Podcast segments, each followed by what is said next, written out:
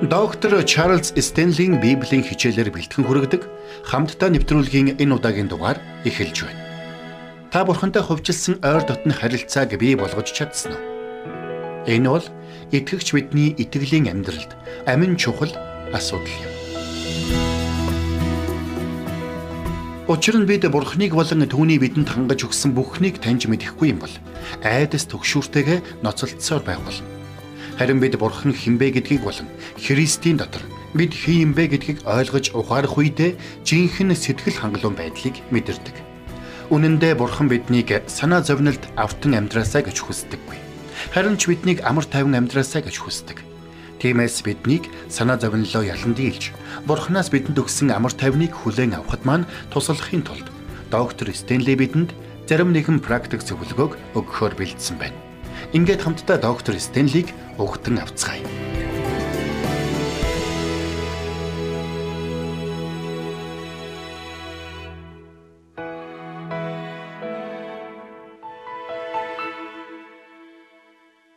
Илч Паул шоронд хоригдож байхдаа бидэнд сэтгэл хангалуун байдлын түлхүүрийг зааж өгсөн байдаг.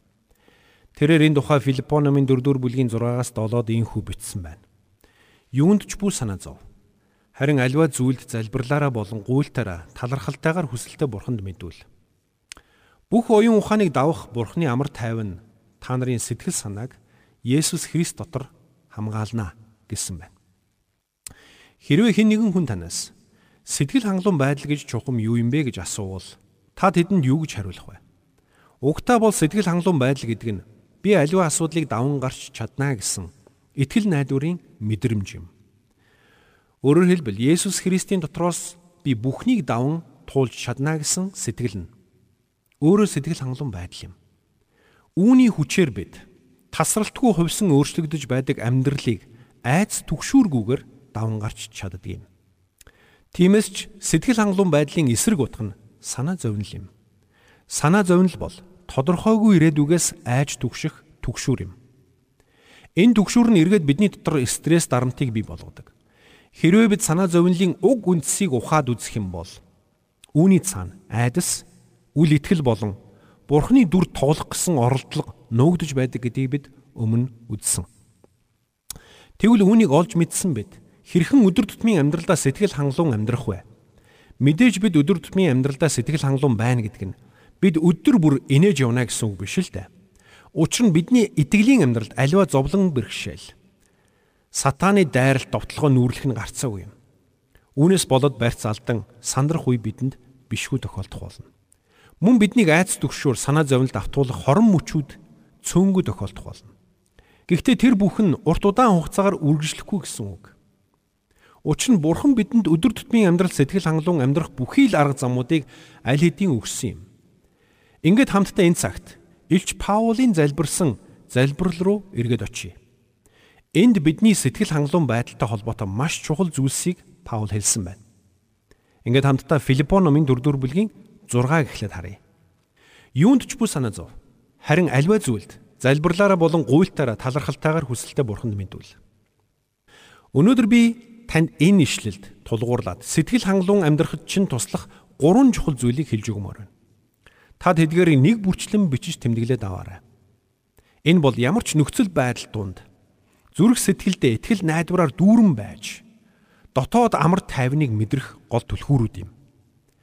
Илч Паул хэлэхдээ аливаа зүйлд залбирлаараа болон гуйлтаараа талархалтайгаар хүсэлтэд бурханд мэдүүлээ гэсэн байна. За эндээс бид сэтгэл хангалуун амьдралын эхний түлхүүрийг олж авах болно. Энэ бол залбирал буюу залбирлаар дамжуулан бурханд хүндэтгэл магтаалыг өргөх явдал юм. Паул биднийг санаа зовнилоос зайлсхий гэж сануулсан. Ингэхдээ бид юуны түрүүнд бурхны өмнө залбиралтайгаар ирэх учиртай гэдгийг сануулж байна. Бид бурхны өмнө залбирахдаа ямар нэгэн зүйлийг гуйхыг энэ тэргуунд тавих бус. Харин түүнд хүндэтгэл өргөхийг чухалчлах ёстой гэдгийг мөн Паул сануулсан байна. Энэ нь юу гэсэн үг вэ? Бид Бурхны өмнө очин залбирахдаа Бурханд хүндэтгэл өргөж мөн Бурхны бүхнийг бүтээгч чанарын төлөө талархна гэсэн үг юм. Өөрөөр хэлбэл бид Бурхны өмнө очиод Бурхан минь ээ та миний нөхцөл байдлыг мэднэ. Би өөрийнхөө нөхцөл байдлыг хянаж чадахгүй. Би юу хийхэж сайн мэдэхгүй байна. Гэхдээ би таны өмнө ирж байна. та бүхнийг мэдгч учраас таны өмнө би ирлээ. Та надад тусалж чадна гэдэгт би итгэлтэй байна. Химэн залбирна гэсэн үг юм. Учир нь бурхан өнгөрсөн одоо ирээдүйн бүх зүйлсийг мэддэг. Тэр болох ёстой зүйлсийг ч мэддэг, болох ёсгүй зүйлсийг ч мэддэг. Тэр бүхнийг ядах юмгүй мэддэг. Түүнд мэдэхгүй зүйл гэж нэг ч үгүй. Нэгдүгээрт. Хоёрдугаарт бид бурханд залбирахдаа түүний хаа сайгүйгээр оршигч чанарыг магтан алдаршуулах ёстой.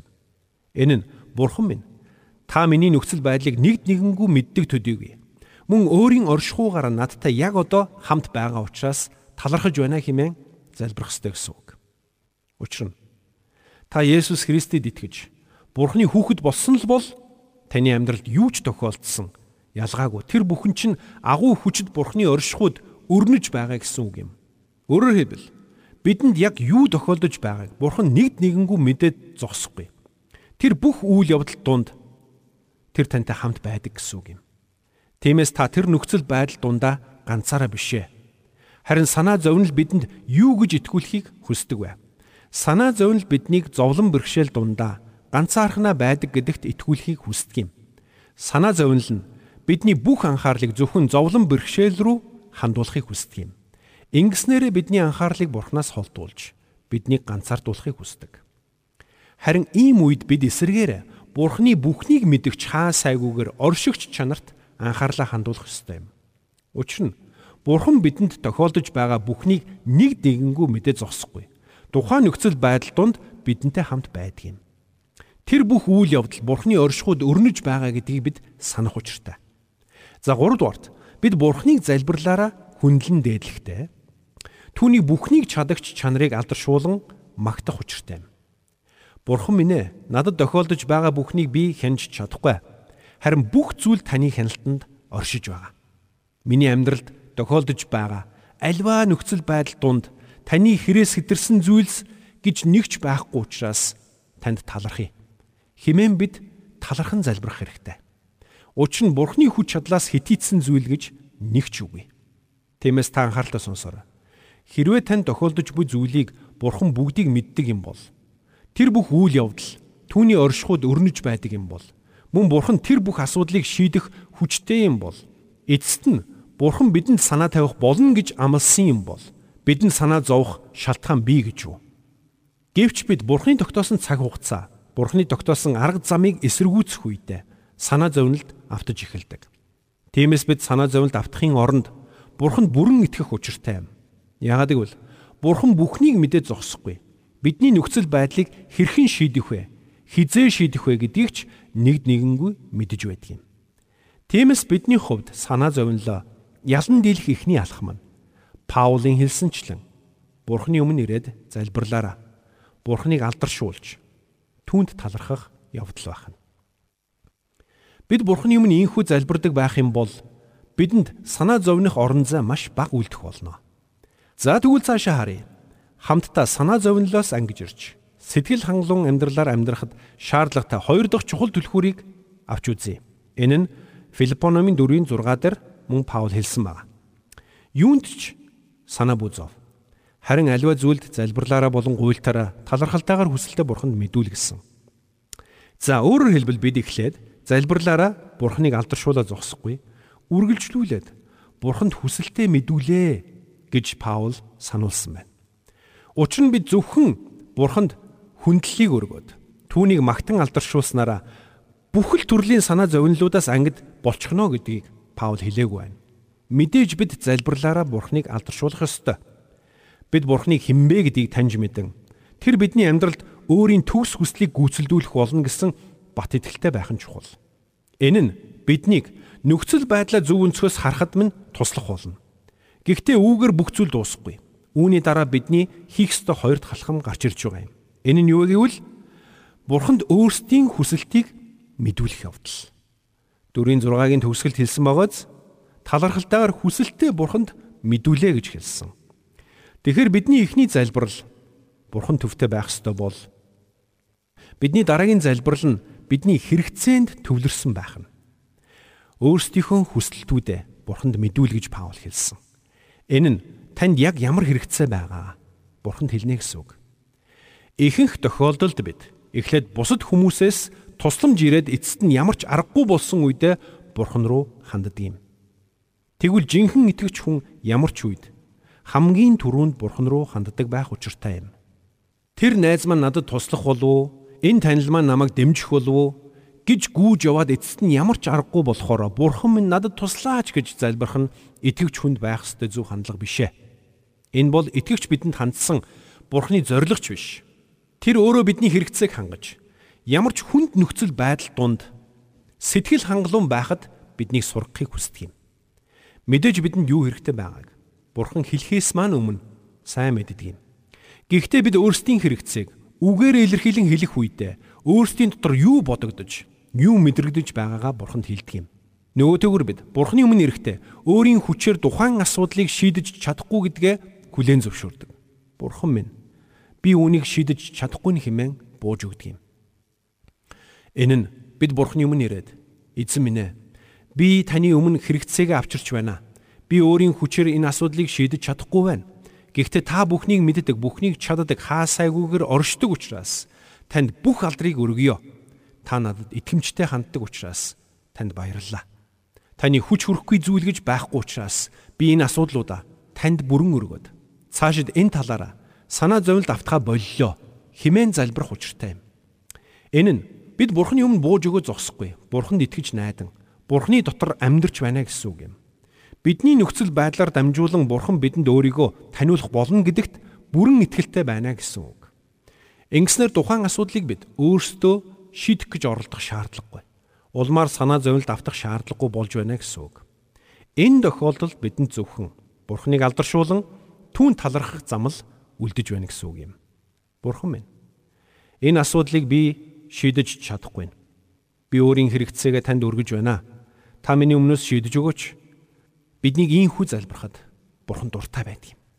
Учир нь надаас ингэд та нар юу ч хийж чадахгүй гэж Бурхан айлцсан шүү дээ.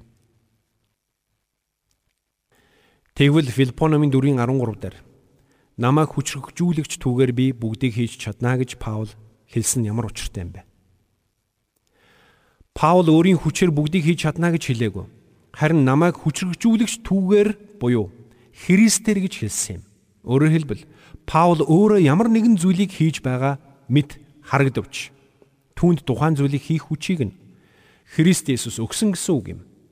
Тиймээс бид ч бас альва асуудалд инхүү хандаж байх нь чухал. Тэгэхээр хэрвээ бид санаа зовнил түгшүүрт автах юм бол Бурхны өмнө залбиралтайгаар ирэх ёстой гэдгийг бид мэдж авлаа. Ингэхдээ бид эхлээд Бурхныг алдаршуулж түүнд магтаал хүндлэлийг өргөх ёстой гэдгийг ч үзлээ. Харин бидний хийх ёстой дараагийн алхам буюу Бурхны өмнө сул дорой байдлаа хүлээн зөвшөөрч Бурханд гуйлтаа мэдүүлэх явдал байх нь. Харамсалтай зарим хүмүүс өвдөг сөгдөж би үүнийг шийдэж чадахгүй хэмээн бууж өгөх дургүй учраас байнгын санаа зовнил түгшүүр дунд амьдардаг юм. Яагаад гэвэл энэ дэлхийн өнцгөөс харах юм бол энэ нь сул дорой байдлын илэрхийлэл мэт харагддаг. Тэгвэл Паул сул дорой байдлын талаар юу гэж хэлсэн байдгийг та мэдхүү. Бид хизээ сул дорой байна. Тэр цагт Бурхны хүч бидний дотор бүрэн дүүрнээр ажилдаг гэдгийг Паул онцолсон байдаг юм. Учир нь Бурхан өөрийн хүч чадалтаа эрдсэн бардам нэгнээр дамжуулан ажилдаггүй харин Бурхны өмнө бууж өгсөн даруй нэгнээр дамжуулан ажилтг юм. Тиймээс бид залбиралдаа Бурхныг магтан алдаршуулаа зогсохгүй. Түүний өмнө буун өгч түүнд гуйлтаа хүсэлтээ мэдүүлэх нь чухал юм. За тэгвэл эцэст нь хамтдаа санаа зовнилоос ангид сэтгэл хангалуун амьдрах 3 дахь чухал түлхүүрийг авч үзье. Энэ мөн 6 дугаар эшлэлээр байгаа. Юунд ч бүү санаа зов. Харин аливаа зүйлд залбирлаараа болон гуйлтаараа талархалтайгаар хүсэлтэд бурханд мэдүүл. Паул энд яагаад талархалтайгаар гэсэн үгийг оруулсан юм бэ? Учир нь бид бурхны өмнө ирж залбирлаараа бурханд магтаалыг өргөх үедээ бурханд өргөлт өгч байдаг юм. Харин түүнд гуйлт хүсэлтэд мэдүүлэх үедээ бид өөрсдийн хэрэгцээ болон сул дорой байдалдаа өргөлт өгч байдаг юм. Тэгвэл бурханд талархал өргөнө гэдэг нь юу гэсэн үг юм бэ? Энэ нь бидний амьдралын альва нөхцөл байдал донд бурхан өөрийн агуу хүч чадлаараа бидний төлөө хамгийн сайныг хийх болно гэдэгт итгэж буй бидний итгэлийн илэрхийлэл юм. Өөрөөр хэлбэл бид альва нөхцөл байдал дундаа бурхан талархлыг өргөнө гэдэг нь бид бурханд бүрэн итгэж байгаагийн илэрхийлэл болдог гэсэн үг. Бурхан минь, би энэ асуудлыг таны мутарт бүрэн өргөж байна. Би энэ асуудлыг өөрийн хүчээр шийдэж чадахгүй. Би танд гуйлт хүсэлтэд мэдүүлж байна. Та миний санаа зовнилыг ойлгож, миний төлөө хамгийн сайныг үйлдэж, надад итгэмжт хандан гэдэгт би итгэлтэй байгаа учраас танд чин сэтгэлээсээ талархаж байна. Бид Бурханы өмнө очиод ийхүү залбирна гэдэг нь бид тухайн нөхцөл байдал дундаа Бурханд бүрэн итгэж найдаж байна гэсэн үг юм. Тэгэхээр бид итгэлийн амьдралаа санаа зовнилоос ангид сэтгэл хангалуун байлгахыг хүсэж байгаа бол Бурханы өмнө залбиралтайгаар ирэх ёстой гэдгийг Илч Паул онцолсон. Ингэхдээ юуны түрүүнд бид эзэн Бурханаа залбирлаараа магтан алдаршуулах учиртайг хэлсэн. Учир нь хэрвээ бид Бурхны дотор сэтгэл хангалуун амьдрч сурахыг хүсчил байгаа бол Бурхан эзнээ таньж мэдэх ёстой. Хэрвээ бид Бурхныг зөвхөн миний аврагч гэж мэдэж байгаа бол үнэндээ хангалтгүй юм. Бид Христэд итгэсэн учраас нас бараад мөнхийн усад очих болно гэдгийг мэддэг байлаа гэд энэ нь биднийг сэтгэл хангалуун амьдрахад хангалттай биш юм. Тиймээс бид Бурхныг улам илүү таньж мэдэх хэрэгтэй. Бурхан бүхнийг мэдгч, бүхнийг чадагч, хаа сайгүйгээр оршигч гэдгийг бид мөн мэдэх ёстой. Мөн тэр агуу бурхан бидний амьдралд хэрхэн ажилдаг болохыг ч бид ойлгох хэрэгтэй. Тэр цагт бид бурханы юм залбиралтайгаар ирж түүнд жинхэнэ хүндэтгэл мөрөглийг өргөж чадна. Тэгвэл би танаас нэг зүйлийг асуумаар байна. Та Библийн бурхныг таньж мэдхийг илүү их хүсэж байна уу? Эсвэл энэ дэлхийн эд баялагт илүү ихээр тэмүүлж байна уу? Магадгүй ингэж асуухаар та би Библийн бурхныг таньж мэдхийг хүсэж байна гэж хариулах байх. Тэгвэл би үргэлжлүүлээд асууя. Та дээрх хоёр зүйлийн альнийхэн талаар илүү их бодож саамширч байдаг юм бэ? Библийн бурхныг уу энэ дэлхийн эд баялагыг уу? Хэрвээ бид бурхантай ойр байх юм бол энэ дэлхийн ямар ч эд баялагаар худалдан авч чадхааргүй тэр ламар тайван сэтгэл хангалуун байдлыг олох боломжтой гэдгийг Паул бидэнд хэлсэн. Үнэн дээр Паул бидэнд сэтгэл хангалуун амьдралын нууцыг маш энгийнээр тайлбарлаж өгсөн юм. Бид Бурхны хүч чадал, Бурхны итгэмжтэй байдалд итгэж найдан Бурхан дотроос амар тайвныг мэдрэн амьдрах түлхүүр нь залбирлаар дамжуулан Бурханд хүндэтгэл магтаалыг өргөх. Мөн залбирлаар дамжуулан Бурханд гуйлт хүсэлтэд мэдүүлэх.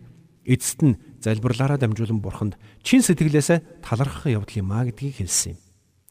Хэрвээ бид үүнийг хийвэл Бурхан бидэнд юу гүгнэ гэж амласан юм бэ? За тэгвэл Филиппон 4:7 буюу яг дараагийн ишлэгийг нь харъя. 7 дээр бүх оюун ухааныг давах Бурхны амар тайван гэж хэлсэн байна. Энэ бол Бурханаас бидэнд өгдөг сэтгэл хангалуун байдал юм. Бурханаас ирдэг амар тайван бидний бодол санаа сэтгэл хөдлөлийг хамгаалдаг юм. Тиймээс бид жинхэнэ амар тайван, жинхэнэ сэтгэл хангалуун байдлыг мэдэрдэг. Энэ нь яг л биднийг хүрээлсэн бат бих бэхлэлт цайз мэт байдаг юм. Биднийг бүхий л санаа зовнил айц дүгшүүрүүдээс хамгаалдаг юм дахин хэлье. Филиппон 4:7 дээр Паул бүх оюун ухааныг давах. Бурхны амар тайван та нарын сэтгэл санааг Христ Есүс дотор хамгаална гэж хэлсэн байна. Тэгвэл Бурхны амар тайван бидний сэтгэл санааг хэрхэн хамгаалдаг юм бэ? Есүс Христийн дотор хамгаалдаг юм а гэж Паул хэлсэн байна. Өөрөөр хэлбэл Есүс Христтэй хамт байгаа цагт Бурхны амар тайван биднийг хамгаалсаар байх болно гэсэн үг. Харин энэ амар тайвныг хүлээн авах гол түлхүүр нь бид Бурхныг таньж мэдж түүнийг залбирлаараа магтан алдаршуулж түүнд залбирлаараа гуйлт хүсэлтэд мэдүүлж мөн залбирлаараа түүнд талархлыг өргөх явдал юм. Энэ бол сэтгэл хангалуун амар тайван амьдралын гол түлхүүр юм. Мэдээж энэ бүх түлхүүрийг гартаа оруулахын тулд хамгийн түрүүнд та мэдээж Есүс Христийг аврагч эзнээ болгон хүлээн авах учиртай. Учир нь та Есүс Христийг аврагч эзнээ болгон хүлээн авч түүгээр дамжуулан гим нүглээ уучлуулж гим нүглийн буруутгалаас чөлөөлөгдөхгүй юм бол та хизээч жинхэнэ сэтгэл хангалуун амар тайван байдлыг мэдэрч чадахгүй. Харин та Есүс Христэд итгэж түүнийг аврагчаа болгон хүлээн авсан бол миний өнөөдөр хэлж өгсөн гурван алхмыг та хийгээд үзээрэй. Тэр цагт та ямар ч нөхцөл байдал дунд байсан Бурхны төгс амар тайван дотор мөн төгс сэтгэл найдвар дотор нь алхаж чадна. Учир нь бүхнийг мэдгч бүхнийг чадагч хаа сайгүйгээр оршигч Бурхан таны амьдралыг бүхэлд нь хянж байгаа гэдэгт та бүрэн итгэлтэй байх болно. Тиймээс та Есүс Христийг аврагчаа болгон хүлээн авсан бол түүнд бүх асуудал бэрхшээлээ даатгаарай. Тэгээд санаа зовнилоос ангид урам зориг, итгэл найдвараар дүүрэн амьдраарай. Бурхан биднийг чухамдаа ийм л амьдралаар амьдраасаа гэж хүсдэг юм. Энэ бол жинхэнэ бурханлаг сэтгэл ба бурханлаг хангалуун байдал юм шүү. Доктор Чарлз Стенли бидэнд санаа зовнилыг ялан дийлж, Бурхны амласан сэтгэл хангалуун байдал, амар тайвныг хэрхэн мэдрэхийг зааж өглөө. Үнэхээр бид санаа зовнилд автах үедээ бүхнийг чадагч, бүхнийг мэдгч, хаа сайгүйгээр оршигч Бурхныг санах учиртай. Филиппой 4:11-ээс 13-д Илч Паул хэлэхдээ Учир нь би байгаадаа сэтгэл хангалуун байж сурсан юм. Би тарчигхан байхыг ч мэднэ. Элбэг дэлбэг байхыг ч мэднэ ямар ч альва нөхцөл байдалд цадгалан болон өлсгөлэн байх, элбэг байх, дутагдахын аль альны нууцад би суралцсан. Намайг хүчрхэгжүүлэгч түүгээр би бүгдийг хийж чадна гэсэн байдаг. Паул сэтгэл хангалуун байдлын нууцад суралцсан нэгэн байсан. Тэр ямар ч нөхцөл байдалд амар тайван байхын нууцыг ойлгосон нэгэн байсан. Энэ бол түүнд хүч болон амралтыг өгөгч Есүс Христ байсан юм. Өөрөөр хэлбэл Паул ямар ч нөхцөл байдалд Есүс Христ рүү харцаа өргөж сурсан хүн байсан.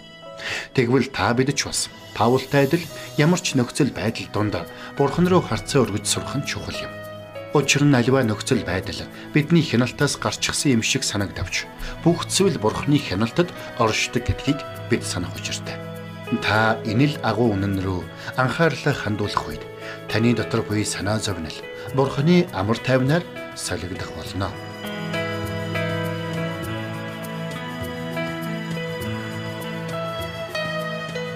Бурханд тэмүүлсэн сэтгэл хүмүүсийг энэрх зөрхөөр амьдрахад туслах номлогч доктор Чарлз Стенлигийн хамттай нэвтрүүлэг сонсогч танд хүрлээ.